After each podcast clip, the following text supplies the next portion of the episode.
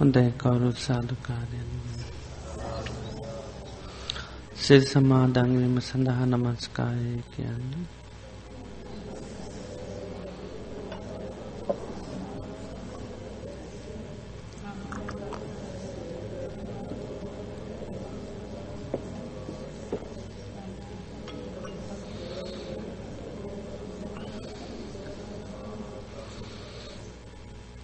බුද්ධහං සරනංගච්ඡාමි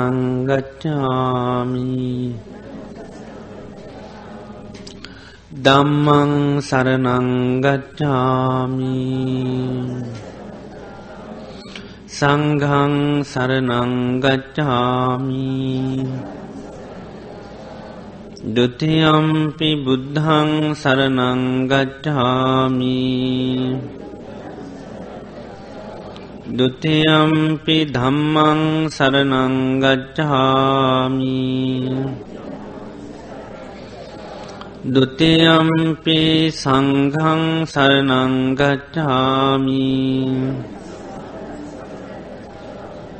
තතියම්පි බුද්ධං සරනංගච්ඡාමි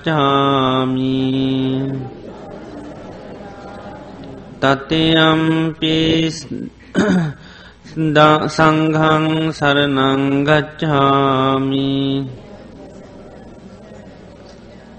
සරනාගමනං සම්පන්නං පානාතිපාතාවේරමනී සික්හාපදං සමාධයාමී අදින්නාදානාවේරමනී සික්හාපදං සමාධයාමි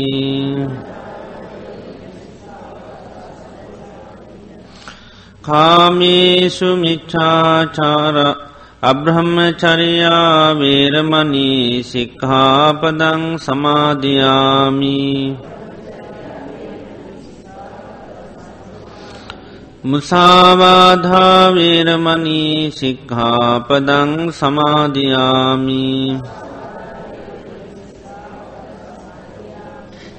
සුරාමේරය මජ්්‍ය පමාදට්ටානාවේරමනී සික්හාපදන් සමාධයාමී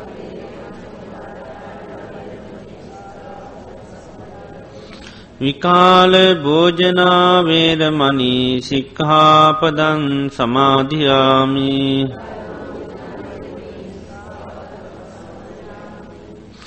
නච්චගීත වාදිත විසූක දස්සන මාලාගන්ධ විලේපෙන ධාරණ මණ්ඩන විභූෂනට්ටානාවේරමනී සික්කාපදං සමාධයාමී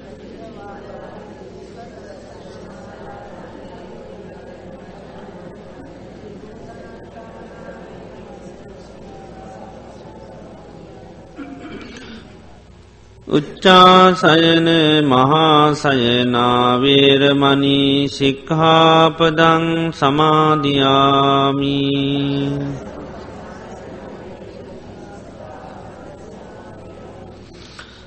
තිසාරනීන සන්දිින් උපෝසත අට්ටංග සීලං දම්මං සාධකන්සුරකිතං කත්වා අපමාදීන සම්පාදී තම්බං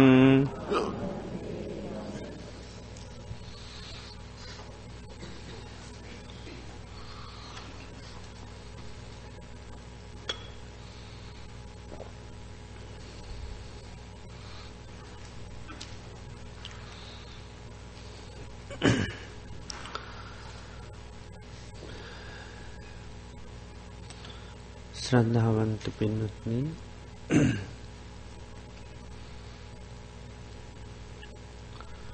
බුදුරජාණන් වහන්සේගේ ශාසනය තුළ අපේ මේ සංසාර ගමන නතර කිරීම සඳහා උන්වහන්සේ මේ ශාසන ප්‍රතිපදාව හඳුන්වාදීලා තියෙනවා.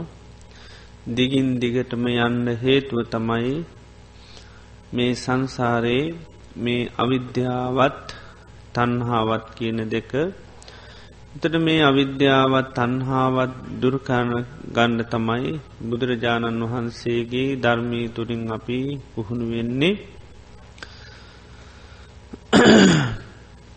ඒ අවිද්‍යාව තන්හාාව දුරුකර ගැනීම සඳහාපි මේ සමත විපස්සනා භාවනාවන් දියුණු කර ගන්නවා.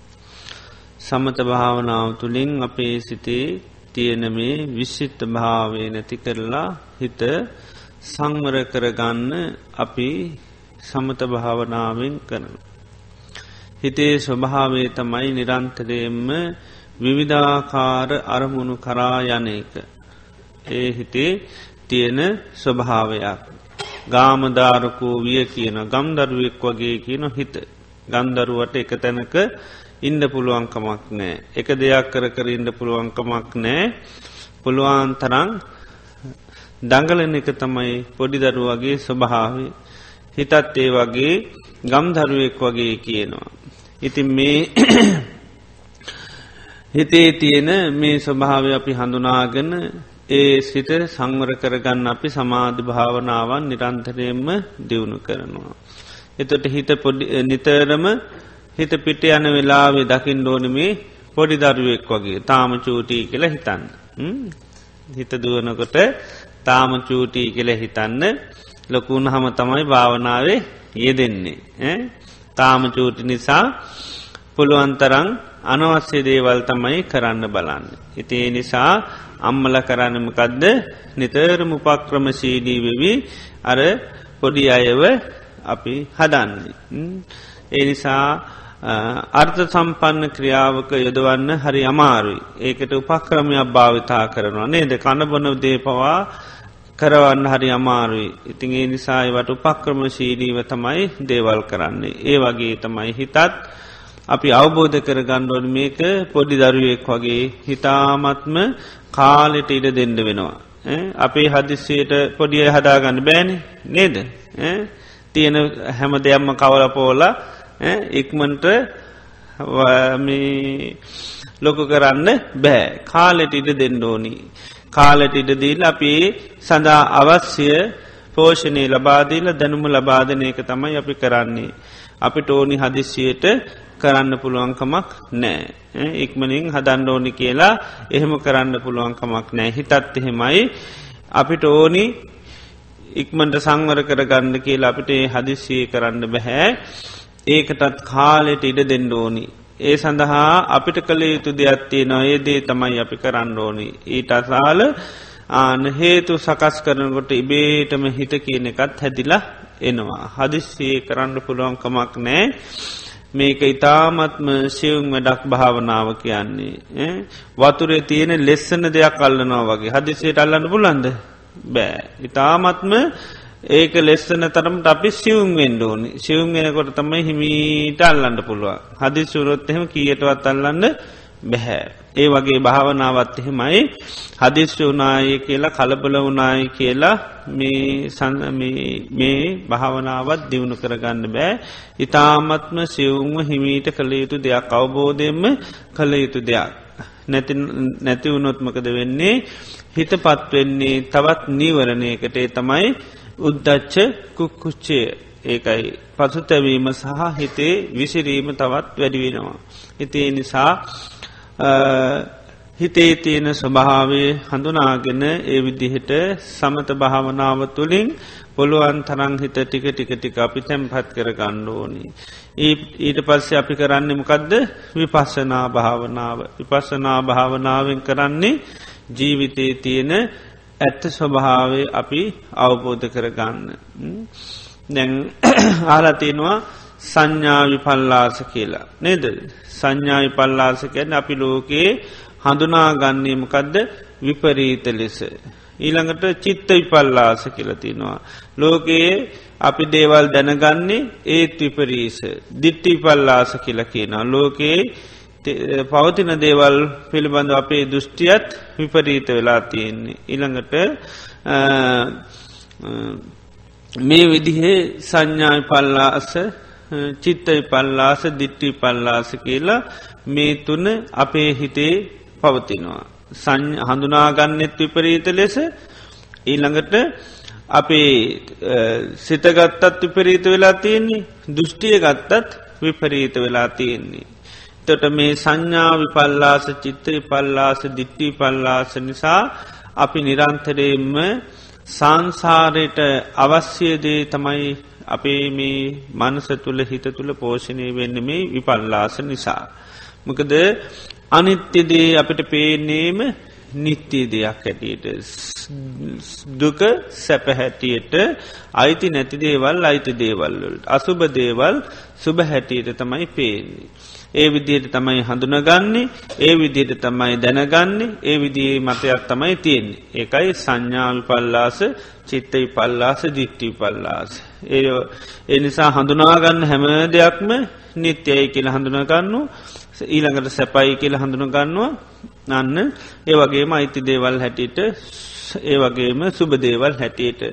ඒ වගේම දැනගන්නෙත් ඒමයි මේ නිත්‍ය දේවල් මේ අනිත්‍ය දේවල් නිත්‍ය දේවල් හැටියට දුක දේවල් සැප හැටියට අයිති නැති දේවල් අයිති හැටියට ඒවගේම අසුභ දේවල් සුභ හැටියට. මතේ තියෙන්නේ දෘෂ්ටියක් හිතේ තියන්නෙත් එහෙමයි. වෙනස් වන දේවල් තියෙනවා කියන දෘෂ්ටියත් තමයි තියෙන්නේ. ඒ වගේම දුකඋපදරන දේවල් සැපයි කියන දෘෂ්ටියත් තමයි තියෙන් අයිති නැති දේවල් අයිති කියන දෘෂ්ටියත් තියෙන්නේ ඉළඟට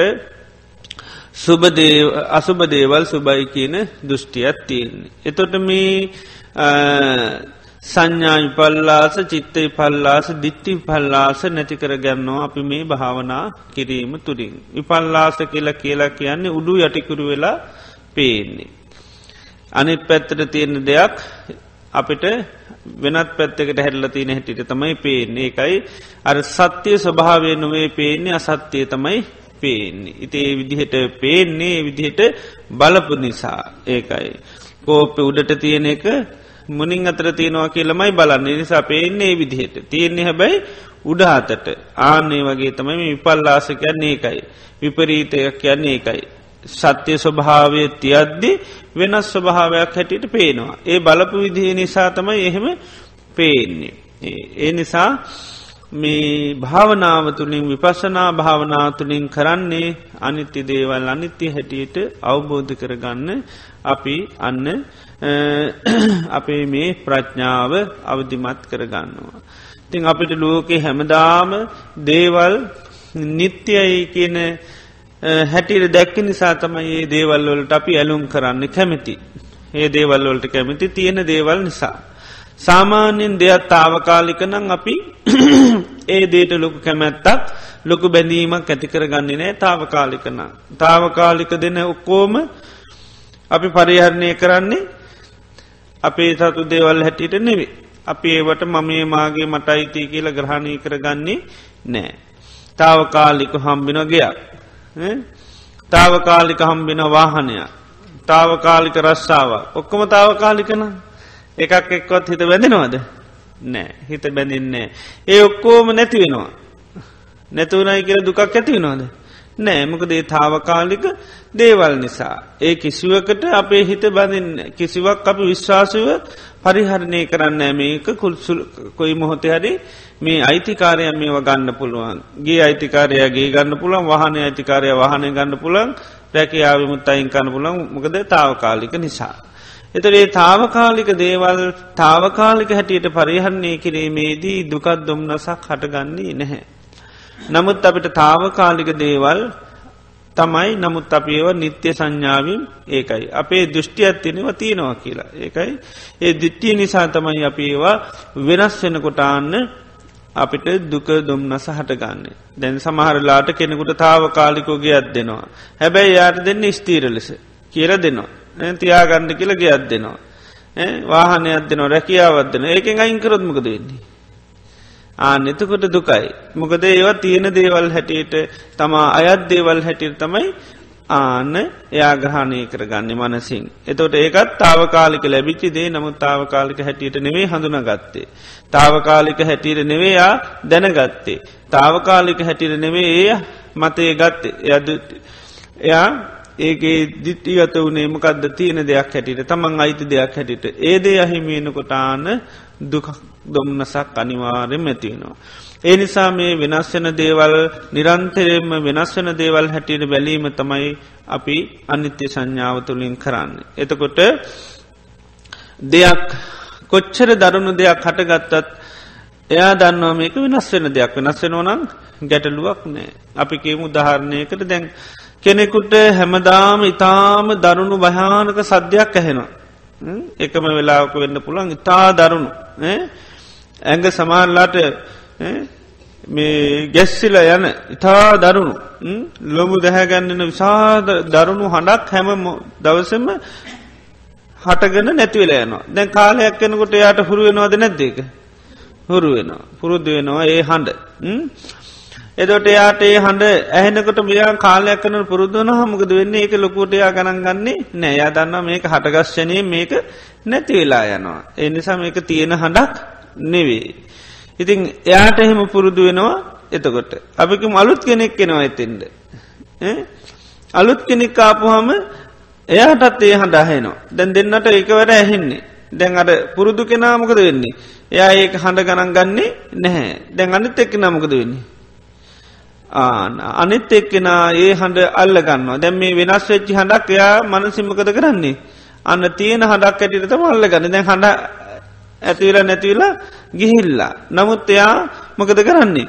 ආන්න අර නැතිවෙලාගේ හඬක් තමයි අල්ලගෙන ඊට පස්සේ එයා බය වෙලා තැතිගෙන සමල්ලාට එන්න අර දන්න කෙනාළඟට ඇල්ල කියන්න පුළ හරි වැඩ මෙන්න මෙම එකක් වුණා කර දැයා හොඳටම බය වෙලා. එතකොට අනිත් එක්කනාගෙන ඕකඉතින් හැමදාම හටගෙන නැතිවලන එක. එතවට අර දෙන්නටම නැතිවෙලාගේ හඬත්තම යහුණේ එකනෙක් මොකද කරන්නේ? හර හඬ ග්‍රහණය කරගන්න. එතට අර නැතිවෙලාදේ දෙයක්ත්තමයි හිතින් අල්ලගෙනයා තියෙන දෙයක් හැටියට එයාට පේන්නේ. ආය හටගනී අයිති ඒවි කියන හැඟීමත්තමයි තියෙන් නමුත් හඬ නැතිවෙලා ගිහිල්ලත් ඉවරයි. ඉති ඒ වගේ මේ ලෝකයේ අර පවතින දේවල් ඒකයි බොහෝ නිමිති අපිට ඒ වෙලාවේම නැතිවල යන දෙයක් නමුත් අපට ඒක හටගත්තට පසේක තියෙන දෙයක් හැටියට තමයි පේ සමහර හඬවල් අපිට හැන්න හඬ ඇහෙල ඉවරයි. නමුත් ඒක ඒ වුණාට අපිට තියෙන දෙයක් හැටියට තමයි දෝංකාර දෙන දෙයක් හැටිට තමයි හිතෙන්. නමුත් දෝංකාර දෙන්නේ හිතේ තියාගෙන. නැත්තං ඒ දේවල් ඒ වෙලාවේ නැතිවෙලා යනවා. ඉතිං අන්නේ අනිත්‍ය දේවල් අනිත්‍ය හැටියට අවබෝධ කර ගැනීම තමයි බුදුරජාණන් වහන්සේගේ ධර්මී තුළින් කරන්නේ. සෑම දෙයක්ම වෙනස් වෙනවා නමුත් වෙනස් වන දේවල් තියෙනවා කියන හැඟීම තමයි අපේ චිත්ත සන්තාන තුළ තියෙන්නේ. හිති ඒ දේවල් ඒ විදිහට බැලීම තමයි මේ විපශ්ෂනා භාවනාව තුළින් කරන්නේ. එතකොට අනිත්‍ය දේවල් අනිත්‍ය හැටියට බලන්න බලන්නමකක් ඇතිවෙන්නේ ඒ පිළිබඳව අවබෝධයක් ඇති කරගන්න පුළුවන්. ඒ වගේ තමයි දුක පොදරල දෙන දේවල් ඒ වගේ තමයි අනාත්ම දේවල්. දැන් අපිට ඔක්කෝම් පේන්නේ මමේ මාගේ මට අයිතිය කියල තමයි පේන්නේ. ආත්ම සංඥාව මුල් බැහැගෙන සිතේ තියෙන්නේ. අනාත්මය කියන අපි දන්න බුදුරජාණන් වහන්සේ අනාත්මයි කියල කියන්න හොඳට අවබෝධ කර ගණ්ඩෝනමකද ආත්ම කියන වචනෙත් එක්ක මේ තියනවන අපගේ ආත්ම පෙරාත්මික කිය නේද ඒමත් ආත්ම තියනවන එතට මෙතනාත්මය කියන්නේ පාලනය කරන්න බැහැ කියන එකයි. පාලනය කරන්න අයිතියක් නැහැ. රූපංචහි දම්භික්කවේ අත්තාභ විශ්සමේ රූපය ආත්මයක් වූවේ නං ලබ්බේචත රූපේ මේ රූපේ ලබන්න පුළුවන් ඒවම් මේ හෝතු මෙහෙම වෙන්න. ඒවම්මා අවෝසි මෙහෙම වෙන්න එපා කියලා පාලනය කරන්න පුළුවන්කින රූපය ආත්මයක් වුණානං. අයිතිත්වයක් තිබුණනං. නමුත් ගෙන යස්මාචකෝභික්වේ රූපන් අන්ත නමුත් රූපය කියන එක අනාත්මයි. ඒ නිසා නචලබ්බති රූපය රූපය ලබන්න බෑ ඒවම් මේ හෝතු මෙහෙම වෙන්න ඒවම් මහාවෝසි මෙහෙම වෙන්න එපා කියලා. ඒ නිසා අනාත්මය කියලා කියන්නේ අපිට පාලනය කරන්න බැහැ. බාලනය කරන්න අයිතියක් නෑ. දවසක් බුදුරජාණන් වහන්සේ සච්චකට පෙන්න්නනවා රජ කෙනෙකුට අයිතියක් තියෙනවා රජයේ ඉන්න මිනිසුන්ට දේවල් කරන්න. සමාරය රජයෙන් අයින් කල දාන්න පුළ සමාරයට උලේ තියන්න බෙල්ල කපල දාන්න ඕනි දෙයක් කරන්න අයිතියක් තියනවා. නමුත් එහෙම අයිතියක් රූපේර තියනොතිකිල හැව. වේදනා සංඥා සංකාරවලට අයිතියත් තියනොද කියලව එහෙම පාලනය කරන්න.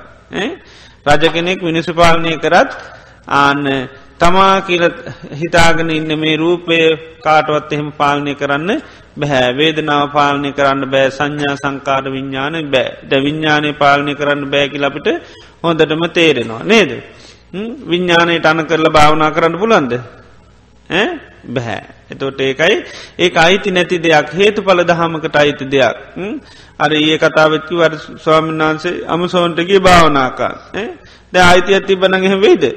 නෑ. ආන ඉතින් එච්චර හිතාගන්නුවත් බැරි විදියේ බොළඳ සිතිවිලි හිත ඇති කරලා දෙන්නේ අයිති නැති දෙයක් නිසා.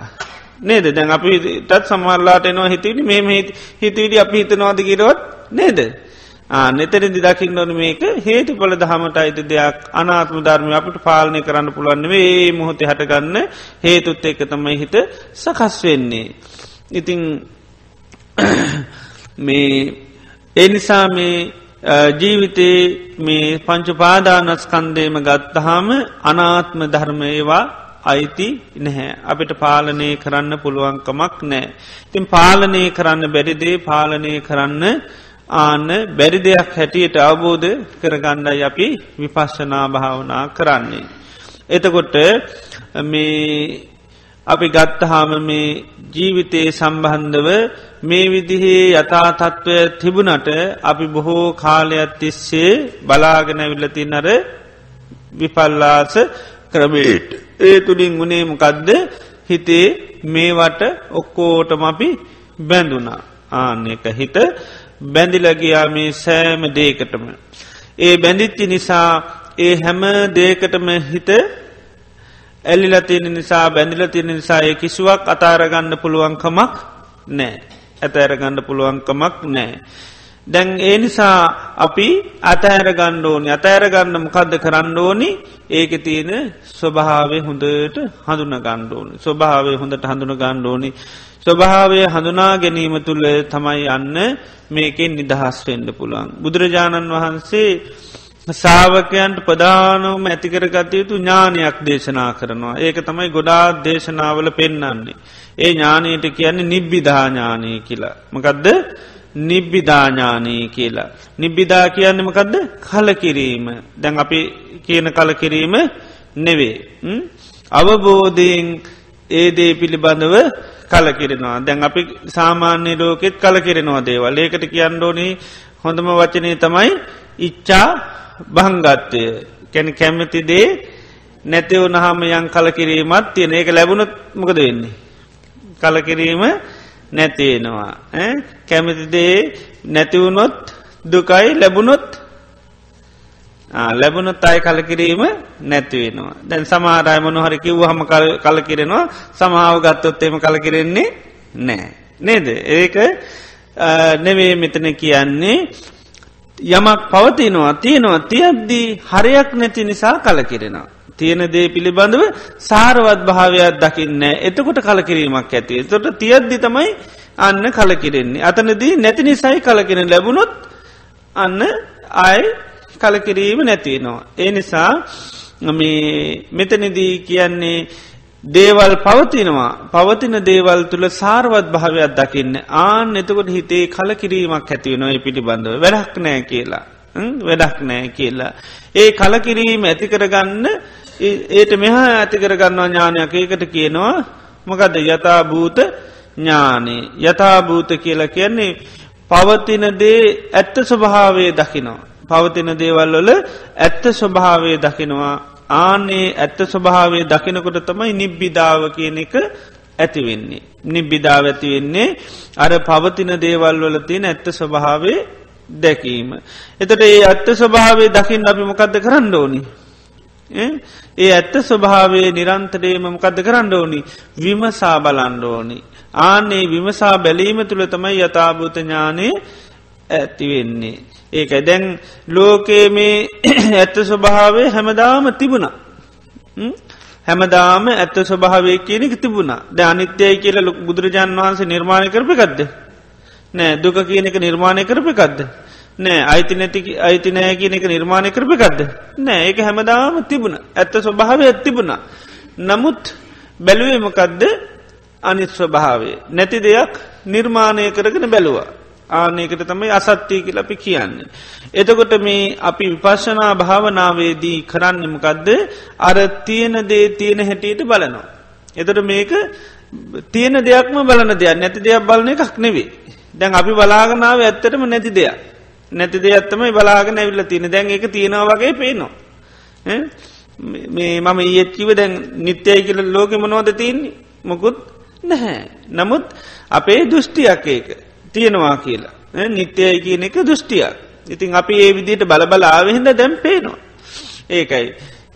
දුකපදරන දේවල් වල සැප හැටිට අපි බල බලාව ඉද සැප පේනවා එක. නමුත් අන්නේගේ දුක තමයි බහුල වස්සෙන්ම සකස් කරලා දෙන්නේ. ඉතිං මේ මේ අයිති නැති දේවල් අපිට අයිති හැටියට අපි බල බලාව. ඒ බල බලාප හින්ද අපිට දැම් ආන්නේ ස්වභාවේ පේනවා.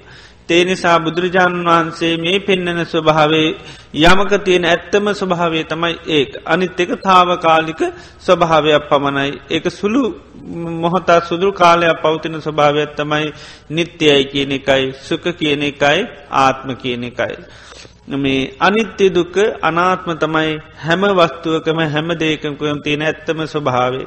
ආන්න ඒ ඇත්ත ස්වභාවේ දැකීමට තමයි යථභූතය කියල කියන්නේ. දේක තියෙන ඇත්තම ස්වභාවේ දැන් සිතිවිල්ලක් ගත්තොත් ඒක ඇත්ත ස්වභාවේ දුක පොදල දෙන දෙක. නමුත් ඒක සැප හැටියට අර ආන්න අපි බලල තිරින්ද අපට සැපක් හැටියට තමයි පේන්නේ. අකුසලයක් ගත්තොත් ඒක ඇත්ත ස්වභාවය තමයි දුක උපදෝන එක. ඒකේ තාවකාලික සැපියත් තින නමුත් ඇත්තම ස්වභාවය තමයි දුක උපදල දෙන ස්වභාවේ. අන්නේ විදිහට මේ දේවල් සම්බන්ධුව තියෙන ඇත්ත ස්වභාවේ නිතර නිතර නිතර විමසා බලනකොට තමයි අන්න යථභූත ඥානයත් වෙන්නේ. එතකොට තමයි අර නිබ්බිධාව කෙනෙක ඇතිවෙන්න කල කිරෙනවා. එතොට දේවල් පවතිනවා පැවතුනාට ආන්නේක පිළිබඳව කල කිරීම ඇතිවෙන ඉදමකද වෙන්න? නිබ්බින්දං විරජ්ජති රජ්ජතිකය නැලෙනවා විරජ්ජතිකය නැලෙන්නේ නැහැ. ඇලෙන්නේ නැහැ. විරාගා. නොවැලුනොත් අන්න විමුච්චති එතකොට තමයි නිදහස් වෙන්නේ. දැන් අපිට නිදහස් වෙන්න බැරිඇයි ඇලිල තියෙන්නේ හැම දේකටම. ඇලිල තියෙන්නේ ඇයි ආස්වාද වසයෙන් පමණයි බලබලා ආවේ. ආස්වාද වසයෙන් බැලුව නිසා ආදීනුවේ කියන එක පොඩ්ඩක්වත් දැක්කනේ. එතොට යථභූත ඥානී තුළින් අන්න කරන්නමකදද අර ආදීනුවම බලනවා. එතවට මොකද වෙන්නේ කලකිරීමක් ඇතිවෙනවා. මොකද ආදීනුව හැම දේකම හරි බහුලයි. ආදීන බහුල වෙනකොට අන්න අර ඒකට තියෙන කලකිනුණු ගමන් ඒකට තියෙන කැමැත්ත තමයි නැතිවෙන්නේ. එතෝට අපි සංසාරය ප්‍රධානුවම දුකට හේතුව පෙන්න්නන්නමකක්ද කැමැත්ත. කැමැත්ත තමයි දුකට හේතුව මේ කැමැත්ත තමයි අපි මේ සෝතාපන්න සකදාගාමි අනාගාමීනකොට එක අවස්ථාවලදී අපි නැතිකරගෙන යන්නේ දැන් සෝතාපන්න අය මේ සෝතාපන්න වෙනට අර සාමාන්‍ය අකුසලේට තියෙන කැමැත්ත තියෙනවද නැද්ද?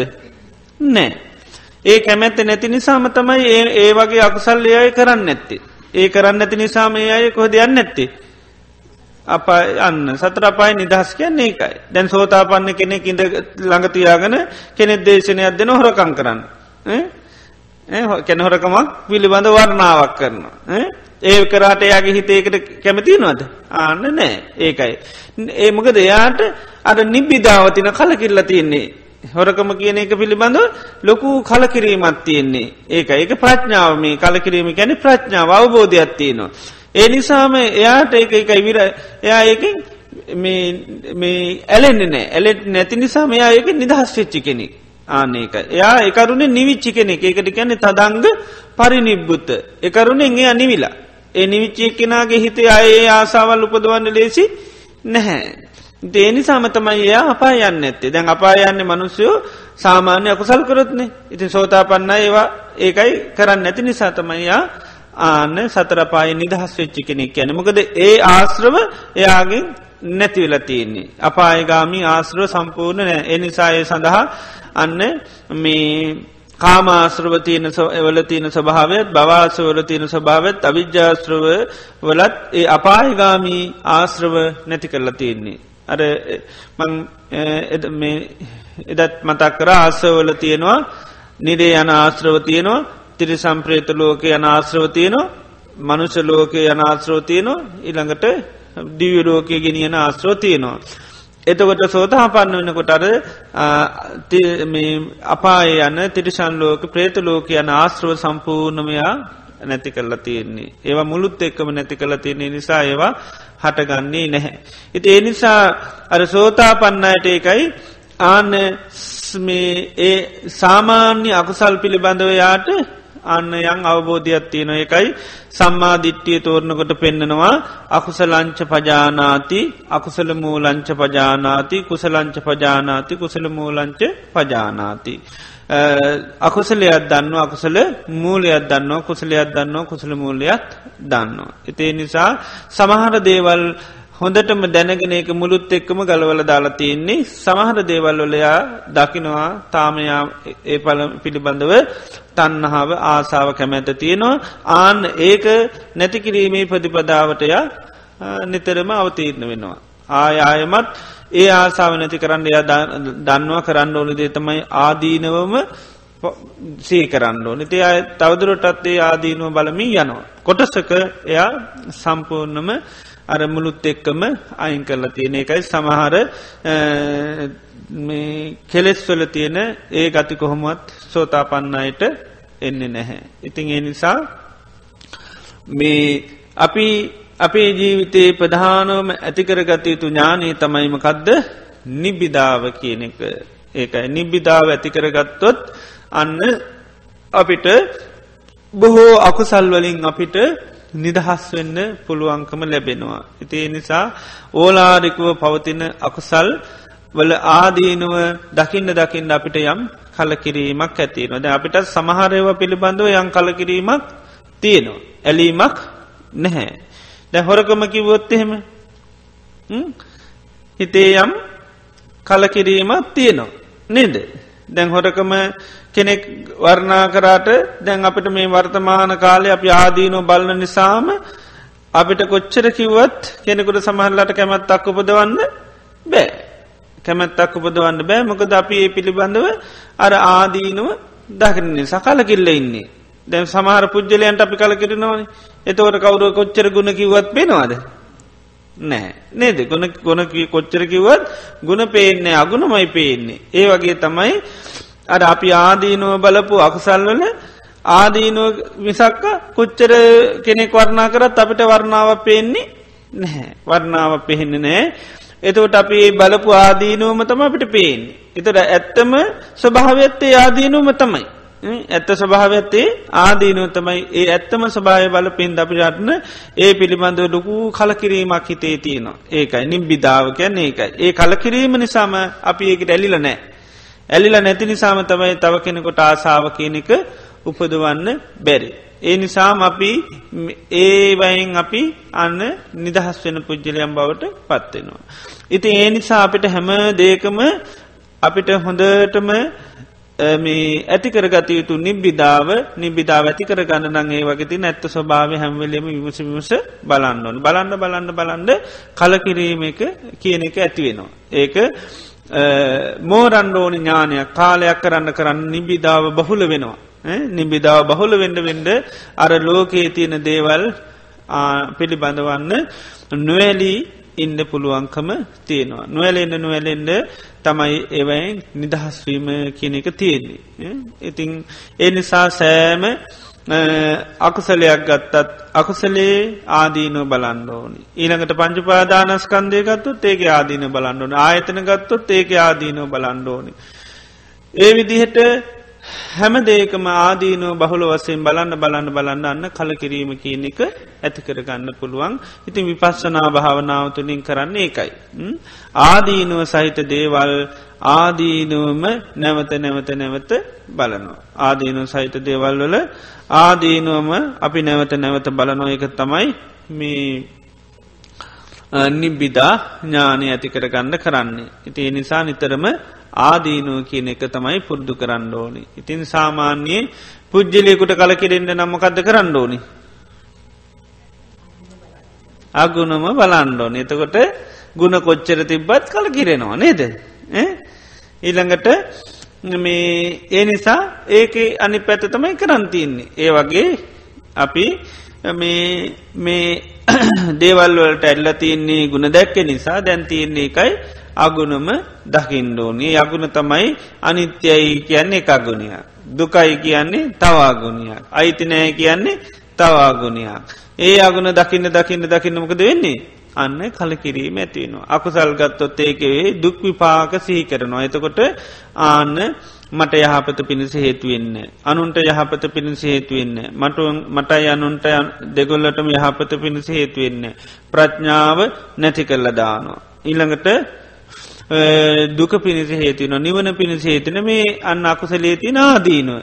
ඉතේ ආදීනුව සීකරන්න සීකරන්න අරකුසලේට තියෙන කැමැත්ත අඩුවෙනවා. අන්න කැමැත් ඇඩුවෙනවා කැමැත්ත අඩු නහම කැමැත්ත නැතිවුණ හම තමයි ඒක පාවිච්චි කරන්නේ නැත්තේ. ඉතිේ නිසා කලකිරීම ඇතිවුණොත් තමයි අන්න නිබ්බින්දම් විරජ්ජති කියන්නේ එකයි ඇලෙන් නැත්තේ කලකිරුණොත්. කලකිරෙන්න්න පුළුවන්තරං කරන්න ඕනි දේ තමයි අගුණම දකින්නට ඕනි. අගුණ දකින්න දකින්න ආදීනුව සිහි කරන්න සිහි කරන්න අන්න නිබ්බිධාඥානය ඇතිකරගන්න පුළුවන්. ඒක තමයි බුදුරජාණන් වහන්සේගේ දේශනා තුළ ගොඩාක්ම පෙන්න්න නිම්බින්දම් විරජ්ජති විරාගා විමුච්චති විමුත්තෙස්මින් විමුත්තිමිති ඥානං හෝතී කියලා. ඒ නිසා ඒ ඒ දේවල් වල ඇත්ත ස්වභාවේ දැක්කාම ඒ දේවල් වලට කලකිරෙනවා ඒ දේවල්ලට කරකිරුණ හම ඒ දේවල් අතෑර ඇතෑර යන්න පුළුවන් එහෙම නැත්තං ඒ වගේ තියෙන ඇල්ම ඒ මේ අඩු කරගන්න පුළුවන්. ඉතින් ඒ දේවල් කලකිල් ඇතෑරයාම තමයි කැනෙ තදංග පරිනිබ්බුත්තය කරුණින් නිවුනා කියලා. ඉතින් යමෙක් යමක් ඇතෑරයානං ඒ නිසායාට දුකක්ද ඔන්න සප්පීඩාවක් මුකුත් හටගන්නේ නෑ අකුසලයක් කටගන්නෙත් නෑ ඒකයි එකරුණින් එයා නිවෙන පුද්ජලෙ බවට පත්වෙනවා. යම්තාක් දේවල් අල්ලගෙනින්නවනං ඒතාක්කල් ඒවතුළින් එයාට දුකදුම්නස් තමයි හටගන්න. අතාරින් අතාරින්න ආන ඒවතුලින් හටගන්න දුක්දුම්නස් නෑ. දැන් අපි පංචසීලය ආරශ්ා කරනවා නම් ඒ පංචසීලයේ නිසා හටගන්න පස්න අපිට ති නොද නෑ. ඒ සඳහා හටගන්න දුක්දුම්නස් ති නොද නෑ. බියතති ගැනීම් ති නොද නෑ. ආන්න එක දැන් ඒවාට තියෙන ඇල්ම අයිංකරගත්ත නිසා ඒවට කලකිරුණ නිසා පිවා අපේ ජීවිතේ අන්න ආස්වාද ජනක දෙවල් ලබ හැටියට අපිට පේනෙත් නෑ. සපක් හැටියට පේනෙත් නැහැ. ඉති ඒ නිසා හටගන්න දුක් අපිට නෑ. ඒ නිසා හටගන්න දුකක් බයක් දැති ගැනීමක් මොකුත් නෑ ඒ තුළින් අපිට යම් මේ ආන්න නිවීමක් හිතට තියෙනවා. දැම් බොහොසෙයින්ම අකුසල් කරනකොට බිය කියන එක තියෙනවා. විශාරද භාවය කියනක නැතිවෙනවා නිතරම බීන් තමයි ජීවත්ත නැති ඒ බිය ආන හටගන්න නෑ මේ අකුසල්ලොලින් නිදහස් වනාම එකයි ඒ දේවල් වලින් නිදහස් වනාම එකරුණෙන් එයා නිවිච්චි පුද්ගලය බවට පත්වෙනවා. ඒ නිසා පුළුවන් තරන් දේවල් වල ඇත්ත ස්වභාවය හඳුනාගත්තුවත් අපි ඒවා නිසා වර්තමානික වසයෙන් හටගන්න කායික මානසික සන්තාප පරිදාහයන් නිවාගෙන ජීවත්වෙන්න පුළුවන්කම බුදුරන් වන්සකිනත් මේ තමාම තමා නිවාගන්න පුද්ජිලේ බවට ආර්ශාවකයන් පත් කර ගන්න පුළුවන් කියන මොක දේව නිසා අන්න වර්තමානික වසෙන් දුක් හදාගන්නෙත් නෑ ඊළඟට ඒව නිසා සංසාරිකයේ ආයුදුක් හදාගන්නෙත් නෑ. ඉතින් ඒ නිසා ඒවයින් අපි නිදහස්වෙන්න අපි ප්‍රධානෝම හඳුනා ගණ්ඩෝනී මේ ඇල්ම කියන එකයි අපිට කඩාගණ්ඩ තියෙන්නේ. ඇලෙන්නේ අපි නොදන්නා නිසා. හැම දෙයකට මෙල්ල තියන්නේයේ නොදන්නා නිසායකට තම අපි අවිද්‍යාව කියල කියන්නේ. ඉතිං ඒ නොදන්නාකම නිසා තමයි අර ආස්වාද මේ ආදීනෝ සහිතදේ අපිට ආස්වාදයක් හැටියට පේන්නේ. ඉතින් ඒ නිසා පුළුවන් තරං හැම මොහොතේදීම අපිට මේ ආදීනුව කියන එක බලන්න පුළුවන්කම තියෙනවා. ඉති මේ පර්ශනා භාවනාව කියන්නේ ඕනම වෙලාවක කරන්න පුළුවන් දෙයක්. භාවනාවට සාමාන්‍යයෙන් අපි කාලේ වෙලාව නෑකිවට එහෙම එකක් නෑ. අපිට මේ සිහිය නුවන පිහිටවාගෙන යෝන් සෝමන්සිකාරය කරන්න පුළුවන්න හැමවිලේම භාවනාවක් කරන්න පුළුවන්. හැමවෙලේම හිතට හිතිවිලියනවා ඒ හිතිවිලි හරි හඳුනාගෙන මේව කරනවන ඒව භාවන අඩුම ගානයම බැයිනම් හවසට හරි ඇඳේ හරි හිතගෙන ඉන්නවන අද මම්මනවද කිව්ව කරේ නේද අද දවස තුළ මොනවද මංකරපු දේවල් කියපු දේවල් හිතපු දේවල්. ඒවා හරි සාමාන්‍ය දළ වශයෙන් හිතලා ආන්න නුවනින් විමසා බලන්න පුළුවන්. ඒ නුවනින් විමසා බලන්නකොට ඒව පේනවා. ආන්නමකදද දේවල් කියලට රාහුල ස්වාමීන් වහන්සේට කියන්නේ පච්චවෙක්කිත්වා පච්චවෙක්කිත්තා රාහුල කායන කම්මන් කාතබ්බන් කයෙන් යමක් කරනකොට පත්තේශා කරල කරන්න කියෙන සිහි කරනම කදමම් මේ කරන්නේ කියලා. එහෙම නැත්තන් කරන වෙලාවේ. එහෙම බැයිනම් කරලා අවසානය හරි කරන්න කියනවා. කරලා අවසානය හරි ඒක පත්තේශා කලා බාණ්ඩකින මම මොකද්ද කරේ කියලා. ආ එතනිදී හරි හඳුනාගන්න පුළුවන් අන්න මං මේ කරේ මට අනුන්ට අහාපත පිණිස හේතුවන අකුසලයක් පාපයක් වරදක් ඒ නිසා ආයමම් මේ වගේ අකුසලයක් පාපයක් කරන්නේ කියලා අන්න සිත දැඩිකර ගණ්ඩ කියනවා සිත පිහිටවා ගණඩකින ආයමම් මේ වගේ දෙයක් කරන්නේ නෑ කියලා. එතකොටත් අන්නයා භාවනාවක් කරපු කෙනෙක් බවට පත්වෙ නොයි ජීවිතයේ දේවල් වල තියෙන ඇත්ත ස්වභාව විමසා බලන්නේ හැටියට වෙනවා. ඉතින් එනිසා වැරදක් යමක් වෙලා හෝ අවසානයේ අන සිහිය පිහිටවාගෙන ඒක තියෙන ආදීනුව කියනෙක මෙනෙහි කරන්නට ඕනි. ඒ ආදීන මෙනෙහි කිරීම තුළ තමයි කරපුදේ අසාර වද්‍යයක් හැටියට දකින්න. එතකට තමයි හිතර කල කිරීමක් ඇතිවෙන්නේ. අනේ මේ දේවල් තුළින් මටන් කිරීම තුළ මං දුක්විදිනති වෙන්නේ නිසායනම් මම මේ වගේ දෙයක් කරන්නේ නැහැ. එතකොට ඒකට අපේ හිතේ කැමැත් අත්තිබුණ නගේ කැමැත්ත අන්න අඩු වෙලා යනවා. ඉතේ වගේ කායකර්ම වචේකර්ම මනුව කරම හැම එකක්ම හොඳට විමස විමස කරන්න ඕනේ විමසීම තුළ තමයි ඒක ඇත්ත ස්භාවේ අවබෝධ කරගන්න තිය නිති අපි කරන්නේ අපි අවබෝධ කරගන්න ඕනේ සුක සංඥාව නිසාමයි සැපක් හැටියට පේන නිසාමයි කරන්න. දේ සැපක් හැටියට පේන්නේම සැපක් හැටියට බලපු නිසා. ඉතින් ඒ නිසා දැන් අපිට තියන්නේ එකයි කෝටි ලක්ෂවාරයක් හරේ දුගක් හැටියටම විමස විමස බලන්න ඕනි බලන්න බලන්න බලන්න කාලයක් ෑමේදි තමයි අවබෝධ වෙන්න මේක දුකක් කියලා. ඉතින් ඒ නිසා මේ විපස්සනා භාවනාවේදී ඕක තමයි බුදුරජාණන් වහන්සේ පෙන්නල දෙන්නේ. ඉතිේ නිසා ඒ කිරීම තුළ ඇතිවෙන ඥානී තමයි යථභූත ඥානය ඇතිවෙනවා නිබ්බිධාව ඇතිවෙනවා ඊළඟට අන්න නිබ්බිධාව තුළින්මකද වෙන්නේ? නිබ්බින්දම් විරජ්ජති ඇලෙන්නේ නෑ. ලෝකයේ තියෙන දේවල්වලට තොට ඇල්ම කියන කඩු වෙනවා.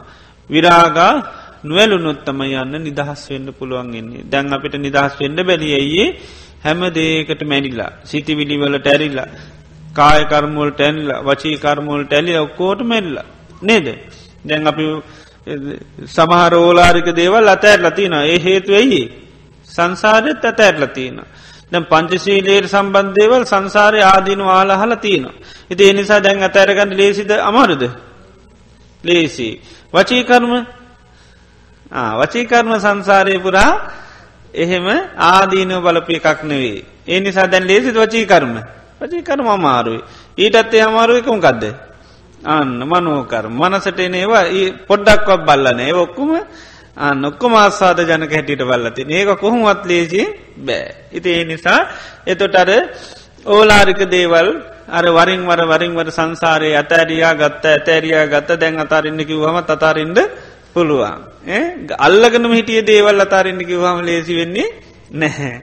ඉතින් ඒ නිසා ඒකයි ඕලාරික වසයෙන් තියනදී අතහැරල තියෙන හින්දා පහසුවක් තියෙනවා අතෑරගන්න. මොකද පංචශීලයේ ලෝක හැමදාම පවතින එකක් ඒක ආදීනුව බොහෝදුරට මෙහෙනවා. ඉතිේ නිසා සමහර කාරවලදී අසත්පුරු සැසුරේදී අපි සමහරවලට ඒවට ආන ආස්වාද වසින් බලනවා සමහර කාලවලද ආදීන බලන්න හැබැයි සමහරකාල්ද ආදීන ඇහෙනකොට මන්න අතෑරකන්න පුළන් මකද ඒ අත ආදීනුව බලපු දෙයක් නිසා. ඒ නිසා කලකිරෙන්නේ ලේසි.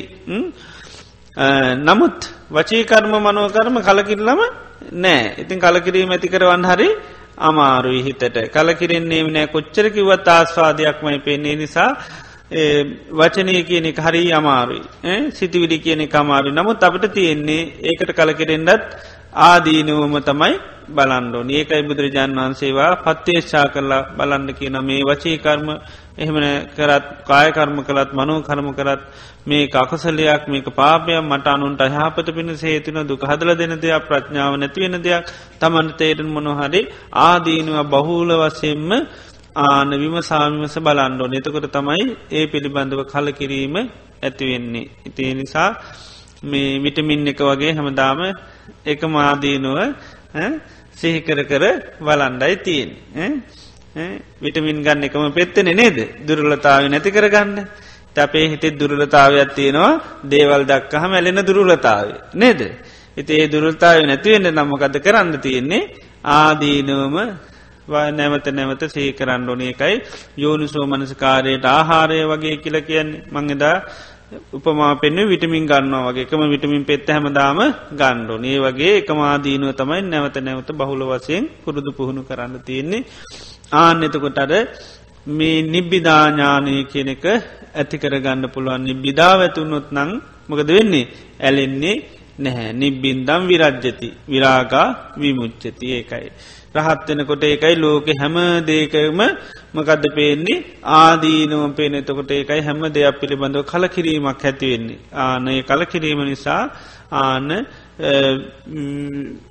නිම්බින්දම් විරජ්ජති ඇලෙනෙ නෑ එ නැති නිසාමන්න විමුංචති නිදහස් වෙනවා. ඉතින් ඒ නිසා රහතන් වහන්සේලාට ලෝකයකයි හැම දේකම ආස්වාද කිසිුවක් පේනෙන හැම දේකම ආදීනමක දාදීනුවමයි බැලුවේ. ඉතින් බලපු නිසා ඇත්ත ස්වභාවයම පේනවා. ඇත්ත ස්වභාවය තමයි ඒ වගේ තියෙන ආදීනුව ති ආදීනුව උන්වහන්සේලාට පේනවා. ඉතිය නිසාපි විපශ්ෂනා භාවනාවන් දියුණු කරනකොට පුළුවන්තරන් තියෙන්නේ දේවල් වල තියෙන ආදීනු විමසා බලන්න. ඒකයි පංචුපාදානස්කන්දේ ආදීනු පෙන්න්න විවිධ විදියට නේද. අනිච්චතෝ දුක්කතෝ රෝගතෝ ගණ්ඩතෝ අගතෝ ආබාධතෝ පරතෝ පලෝකතෝ සුං්ඥතෝ අනත්තතෝ අන්න යෝනිසෝ මනසිකාතාත්වා ඒ ඔක්කොම මොනවද? අන්න ආදීන. ඒව බලන්නකට තමයි කල කිරෙන්නේ ආන එතකොට අන රූපේ තියද්දි රූපය පිළිබඳව මකද කල කිරීමක් ඇතිවෙනවා මේ වගේ ආන ආදීනෝ සහිත දේකටද බැඳිල ඉන්න කියලා. ආන එකයි. තේ තොට නිබ්බිධාව ඇතිවෙන්න නං ඒකයි ආදීනෝම බලන්ඩෝනි තේ නිසා බුදු ශාසනය ප්‍රධාන ඥානයත්තමයි මොකක්ද නිබ්බිධාව ඇති කර ගැනීම. නිබ්බිධාව නැති නිසයි අපි මේ ඇලි ඇලි ඇලි ඇලි සංසාරය යන්නේ. කල කිරෙන්න ලේසියෙන්. ඒකයි. මේ අකුසලේට ඒවට කලකිරෙන්නේ ලේසියෙන් බාහිර ලෝකයේ දේවල්ලොල්ට කලකිරුණට. ඉති ඒ නිසා ඒ කලකිරීම ඇතිකර ගන්න තමයි නිතරම මේ වගේ ආදීනුව බලන්ඩෝනි. ඒ බලනකර තමයි අන්න පංචපාදානස්කන්දේට ආයතනයට මේ හැම දේකටම කලකිරෙන්නේ. අර ඒත් මම් පෙන්නේ දුකක් හටගන්නකොටම ඇගිල්ල දෙකරන්න කොහොට්ටද. පංච පාදානස්කන්දයට ආයතනයන්ට දික්කරන්න ඕන. මේ නිසා දුක්කනේ තොට තමයි කලකිරෙනීමකට නැත්තන් කලකිරෙනෙක වෙටද බාහිර ලෝකට. බාහිර ලෝකට කලකිල්ල ඉතින් අපි කොච්චර ඇරල තිනවාද නේද දේවල්? නිබින්තම් විරජ්ජති රටවල් ඕනි තරංග අතල්ල ඇති.